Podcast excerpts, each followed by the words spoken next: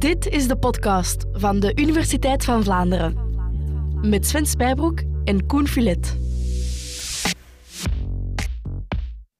De vraag van vandaag, Sven, is, het gaat jou interesseren, hoe verwarm ik mijn huis met mijn wc? Fascinerend, hè? Ja, dat eerste deel interesseert mij ten zeerste.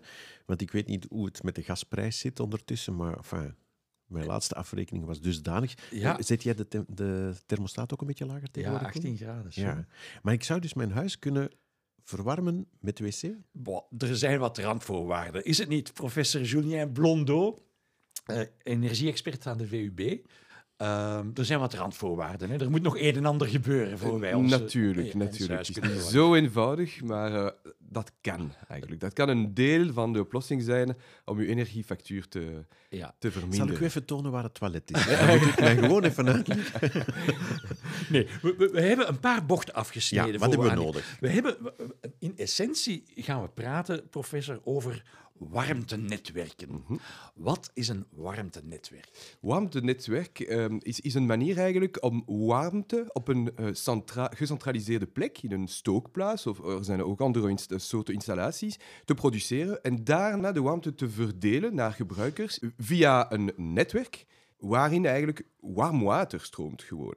Ja, dus er, komt, er stroomt geen gas naar me toe of Nee. elektriciteit naar mijn huis, wat die Ja. Mhm. ik dan thuis omzet in warmte. Nee, ik krijg warmte toegeleverd. Ja, dat, dus, dat is gewoon een soort reuze centrale verwarming, Ja, zeg maar. Ja, een inderdaad. radiator die hier vertrekt, maar niet alleen mijn huis verwarmt, maar dan ook de buren en de buren van de buren en zo verder. Eigenlijk in plaats van een eh, individuele ketel Ja. thuis te hebben, gasketel, olieketel, whatever, je hebt eigenlijk een warmtewisselaar en er, er bestaat dus een pijp Ja. eh, op de straat die, die Ja. gewoon eh, warmte aan de hand van warm water verdeelt tussen verschillende gebruikers. En de, de warmte wordt op een gecentraliseerde plek geproduceerd. Volgens mij bestaat het al. Heet dat stadswarmte? Ja, ja, ik, zou niet weten waar het ik bestaat, maar ik associeer heb dat met al. Rusland of zo. Ja, niet? het is een zeer Heel oude oud. technologie Ja. van, eh, van de 19e eeuw. En inderdaad, het, is, eh, nu, eh, het wordt meestal gebruikt in Scandinavische landen Ja. en in het oosten van Europa natuurlijk, en in, Rus- in, Ru- in Rusland, waar de vraag naar warmte zeer hoog is. En dat was eh, Ah, ja, heel, ja. heel voordelig in het verleden al. Maar is, is dat interessanter? Het hangt ervan af. Ja, want ik zou denken, eh, hoe langer die leidingen, hoe meer verlies je daar hebt. Hè, ze zeggen ook altijd, het binnenhuis moet al die buizen isoleren enzovoort. Ja, ja, ja. Precies. Dus net, net zoals voor alle technologie, het is geen wit-zwart verhaal. Nee. Eh, er zijn eh, gevallen waarvoor een warmtenetwerk een goed idee is. Ja. En som- soms is het gewoon geen goed idee. Het is een kwestie van eh, dichtheid van de vraag naar warmte. Hoeveel mensen hebben warm nodig? Hoeveel gebouwen, scholen, zwembaden, eh, woningen? Eh, wat is de afstand tussen de gebruikers? Ja. Eh, en is er een duidelijke bron van warmte, een gecentraliseerde bron van warmte voor iedereen? Ja, maar het simpele feit dat u hier zit, ik neem aan dat u een soort van pleidooi gaat houden voor warmtenetwerken.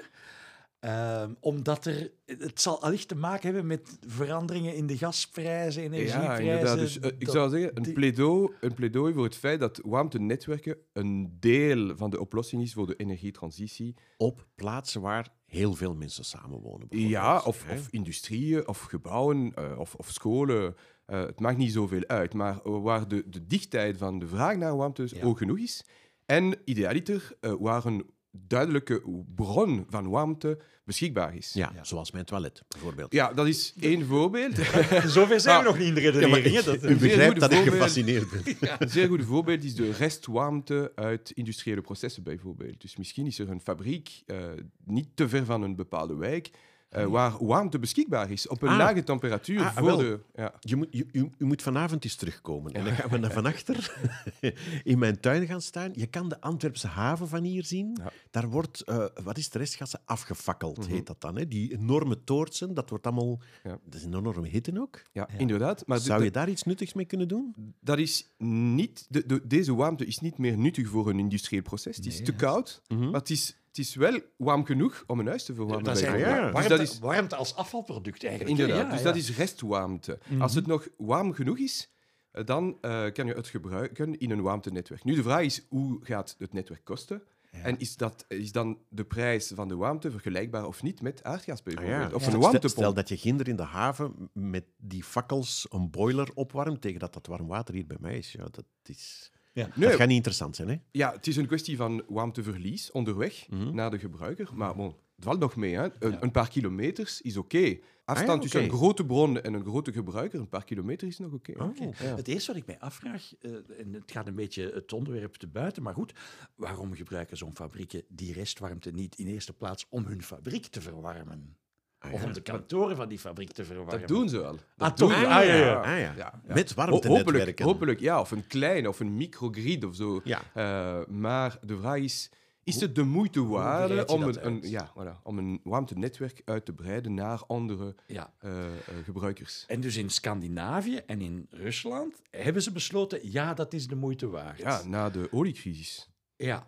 Wa- wa- Wij- hier in de lage- 74 was dat. Ja, ja dus de technologie bestaat al lang. Hè. Het is van de, de 19e eeuw, maar het is geleidelijk aan eh, verbeterd. Eh, en nu spreekt men van de vierde of zelfs de vijfde generatie van warmtenetwerk. Die is veel efficiënter zijn dan de, de Ja. oude warmtenetwerk van de 19e eeuw natuurlijk. En wij hier in de lage landen wonen bij uitstek op een plek in de wereld waar de bevolkingsdichtheid Ja. heel groot is. Ja. En dat was een van de voorwaarden die u Ja, inderdaad. Dus in grote steden, dat is duidelijk. Maar dan heb je misschien een gebrek aan grote bronnen. Dat is het probleem. Ja. Maar, eh, maar in Antwerpen bijvoorbeeld, Ja. met de haven, en met een, een zeer grote stad dichtbij, dat, dat is een duidelijk geval. Ik- Ik kan niet zeggen waar een warmtenetwerk geïnstalleerd moet worden, maar ik, ik zou durven zeggen, het is wel de moeite waard om dat te bestuderen. Ja. Zijn er nog voorwaarden? Dus dichtheid van de bevolking. Ja.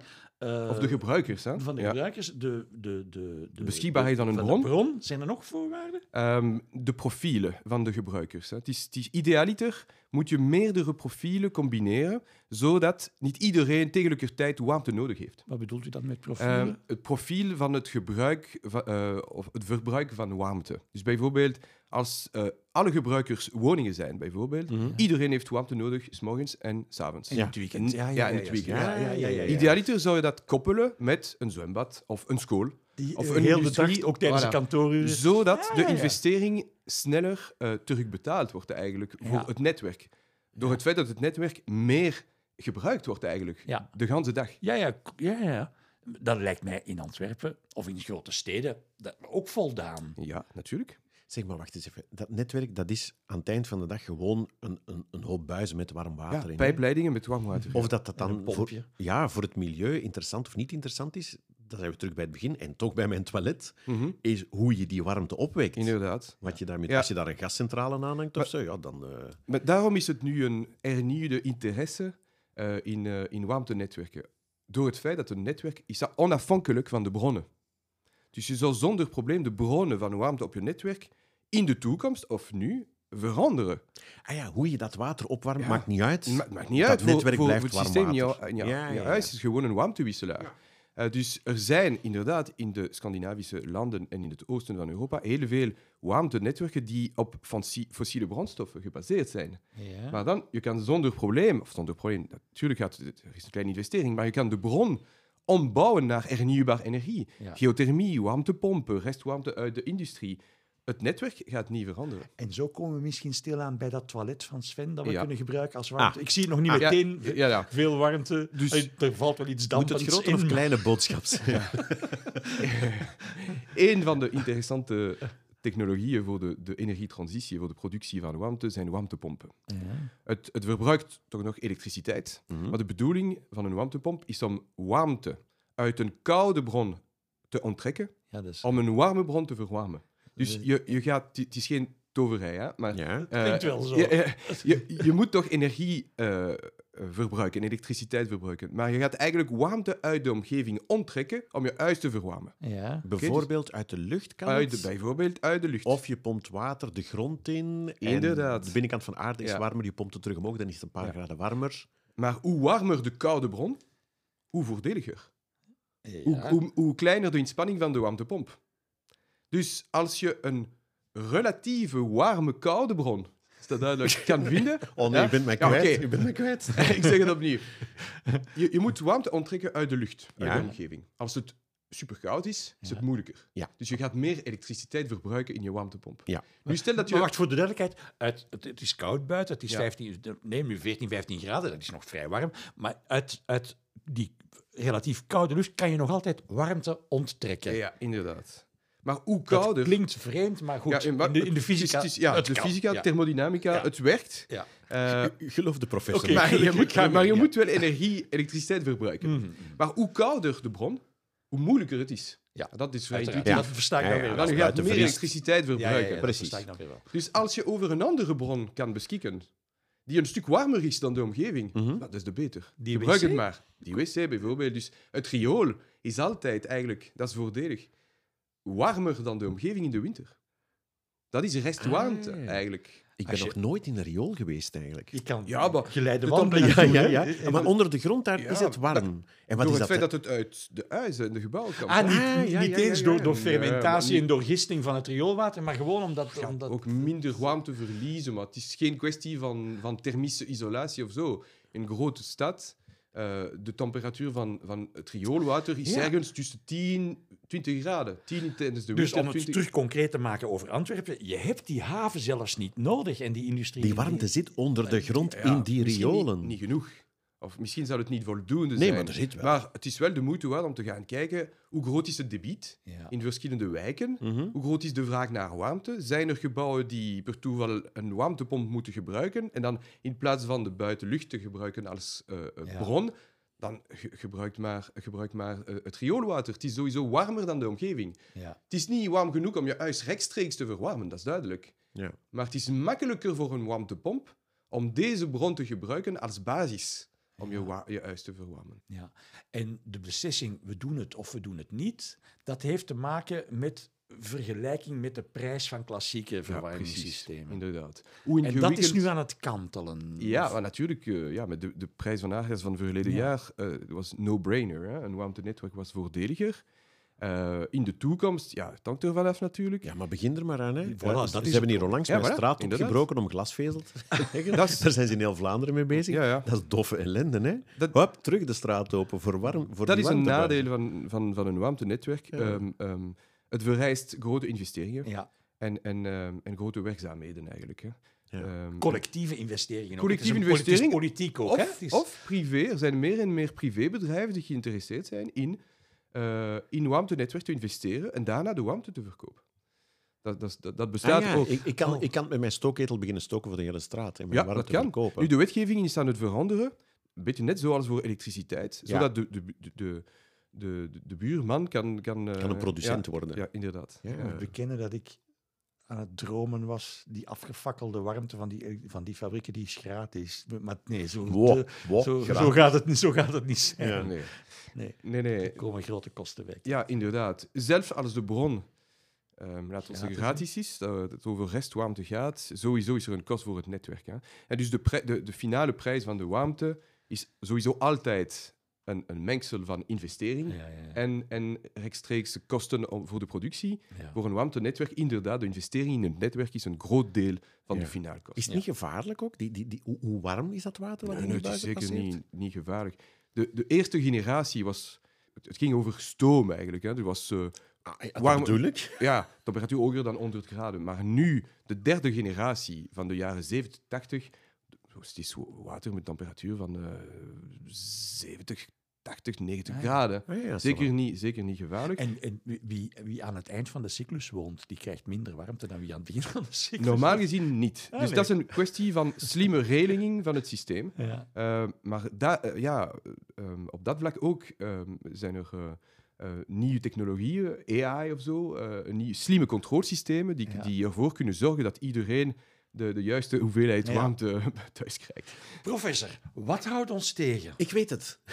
Ik heb het ooit gezien. Professor Zwijbroek, wat houdt ons tegen? Martijn Heilen is Ja? ooit naar Siberië geweest. En dan dat, was hij in Vladivostok. En daar hadden ze dat, zo'n Ja. warmtenetwerk. En een paar keer per dag of per week viel dat uit. En dan zat heel Vladivostok zonder verwarming. Het is een, een um, gebruikelijke bezorgdheid, zou je zeggen, Ja. van de, de, de potentiële gebruikers van een warmtenetwerk. Mhm. Ja, een moderne warmtenetwerk is, is even betrouwbaar als je ketel thuis. Je hebt soms het gevoel dat je controle gaat verliezen. Ja, maar je, je, je ketel thuis heeft ook onderhoud nodig, net zoals een warmtenetwerk. Maar de uitbater weet, van, van het netwerk weet het. Ja. Het gaat zonder probleem het onderhoud tijdens de zomerplannen. Dus er zijn heel veel voorbeelden van eh, moderne netwerken Ja. die zonder probleem... En die Het is hetzelfde voor die- water, voor ja, elektriciteit, voor wifi. Precies hetzelfde. Ja, oké. Precies Even hetzelfde. betrouwbaar als de NMB's en de internetproviders. En Oh nee. ja. Ja, de abonnementsformules. Ik krijg nu al hoofdpijn bij het idee. Nee, maar ik ga mijn vraag herhalen hoor. Wa- wa- Wat, wat, houdt ons tegen? Of, of zie je in het buitenland Ja. de populariteit van die warmtenetwerken Mm, ja, ja. toenemen? Dus ik zou zeggen, investeringskost, dat is Ja. duidelijk. Ja. Dus misschien moet de overheid af en toe durven investeren, bijvoorbeeld in het ehm, centrale deel van hun netwerk, bijvoorbeeld. Zodat andere ehm, privébedrijven of ac- actoren kunnen dan eh, de, het netwerk uitbreiden op basis van een... Ah, ja, dat de overheid een kan zelf beginnen. Ja. ja. Het is vaak zo, hè? Eh, het is niet dat ehm, ehm, een grote netwerk eh, in één keer ontwikkeld wordt. Nee. Het is weer eh, vaak een organische ontwikkeling. Ik heb mij dat ook al eens afgevraagd met het elektriciteitsnetwerk. De dag dat je dat uitvindt en zegt tegen iedereen, we gaan Ja. even alle straten opbreken, iedere muur van Nee. ieder huis moet open. Ja, dat, dat stapsgewijs. Hè. Dus idealiter heb je een duidelijke bron en ook eh, ehm, duidelijke gebruikers. Dat is een mogelijke rol voor de overheden, die bijvoorbeeld eh, tegen een, een, een investor kunnen zeggen van oké, als jullie een warmtenetwerk willen bouwen, Ja. wij kunnen zonder probleem garanderen dat onze gebouwen eh, zullen jullie warmte eh, gebruiken. Ja, Ja. ja, ja. ja. En dat, dat, dat een soort garantie ehm, eh, die, die, ehm, die zorgt voor het feit dat iemand een incentive heeft Ja, om ja, te ja. investeren. ja. En Ja. Daarna kunnen andere privé... eh, Denk van, oh leuk, tof, ik wil dat ook. ja, voilà, inderdaad. Ja. Oeh, Ja. hoe, hoe, hoe duur is het? Ah ja, Ja. oké, het is toch voordelig. Ik zal Ja, aansluiten. ja, ja. Maar, maar u als ingenieur, u bent van de technische kant. Hè? Ja. U, be- u bedenkt de mogelijkheden, de theoretische Ja, ja. mogelijkheden en hoe dat, dat in de praktijk te brengen. Maar adviseert u ook politici? Ja. Of, Dus we En hebben hoe eh, wordt er dan op gereageerd? zeer goed eigenlijk. Want ze, Tot ze- ze de factuur horen. nee, nee, want ze beseffen dat ze te weinig kennis hebben. En ook het feit dat een warmtenetwerk, opnieuw, het is geen wit-zwart verhaal, je moet een duidelijk geval in details bestuderen om een Ja. pre-haalbaarheidsstudie te doen, bijvoorbeeld. Ja. Dus we hebben recent een, een tool ontwikkeld voor de stad Brussel, zodat ze in staat zijn om zo'n pre-haalbaarheidsstudie uit te voeren. Ah, Om te kunnen zeggen, oké, de prijs eh, kennen we nog niet, maar het is vrij duidelijk dat het redelijk zal zijn. Ja. Eh, en dat deze wijk bijvoorbeeld een mooi geval is voor een mogelijke Ah, ja, warmte. dus die eerste stap of die eerste bereidheid in Brussel is er al. Ja, ja, inderdaad. inderdaad. Andere steden? Ah, ja, er zijn ook eh, projecten in, Antwerpen bijvoorbeeld Oké. eh, over warmtenetwerken die restwarmte uit de industrie Ah, zullen gebruiken. Ja, ja, tuurlijk, tuurlijk. Binnenkort zie ik daar geen fakkels meer s'avonds in de verte. Hmm. Ja, ja. En hoe concreet zijn die, zijn die plannen? Ah, ik denk dat eh, nu er zijn, eh, er zijn eh, zeer concrete projecten om bestaande netwerken uit te breiden, maar ook om nieuwe netwerken te Ah, bouwen. Oké, Ja. oké. die is dus niet helemaal dromen, een dromende ingenieur die hier bij ons zit. Maar is, opnieuw, ehm, men start met de low-hanging fruits, hè? De, Ja, ja, ja. De, de duidelijke gevallen. De, de volgende stap is de moeilijke gevallen te gaan bestuderen, Ja. natuurlijk. hè. Een warmtenetwerk tot ver weg in het platteland Ja. eh, te doen komen. Vooruit, Sven, ga pipi doen. Onmiddellijk. Ik ga Professor de riool Blondeau. van warmte Ja. voorzien. Dankjewel. Zeer gedaan.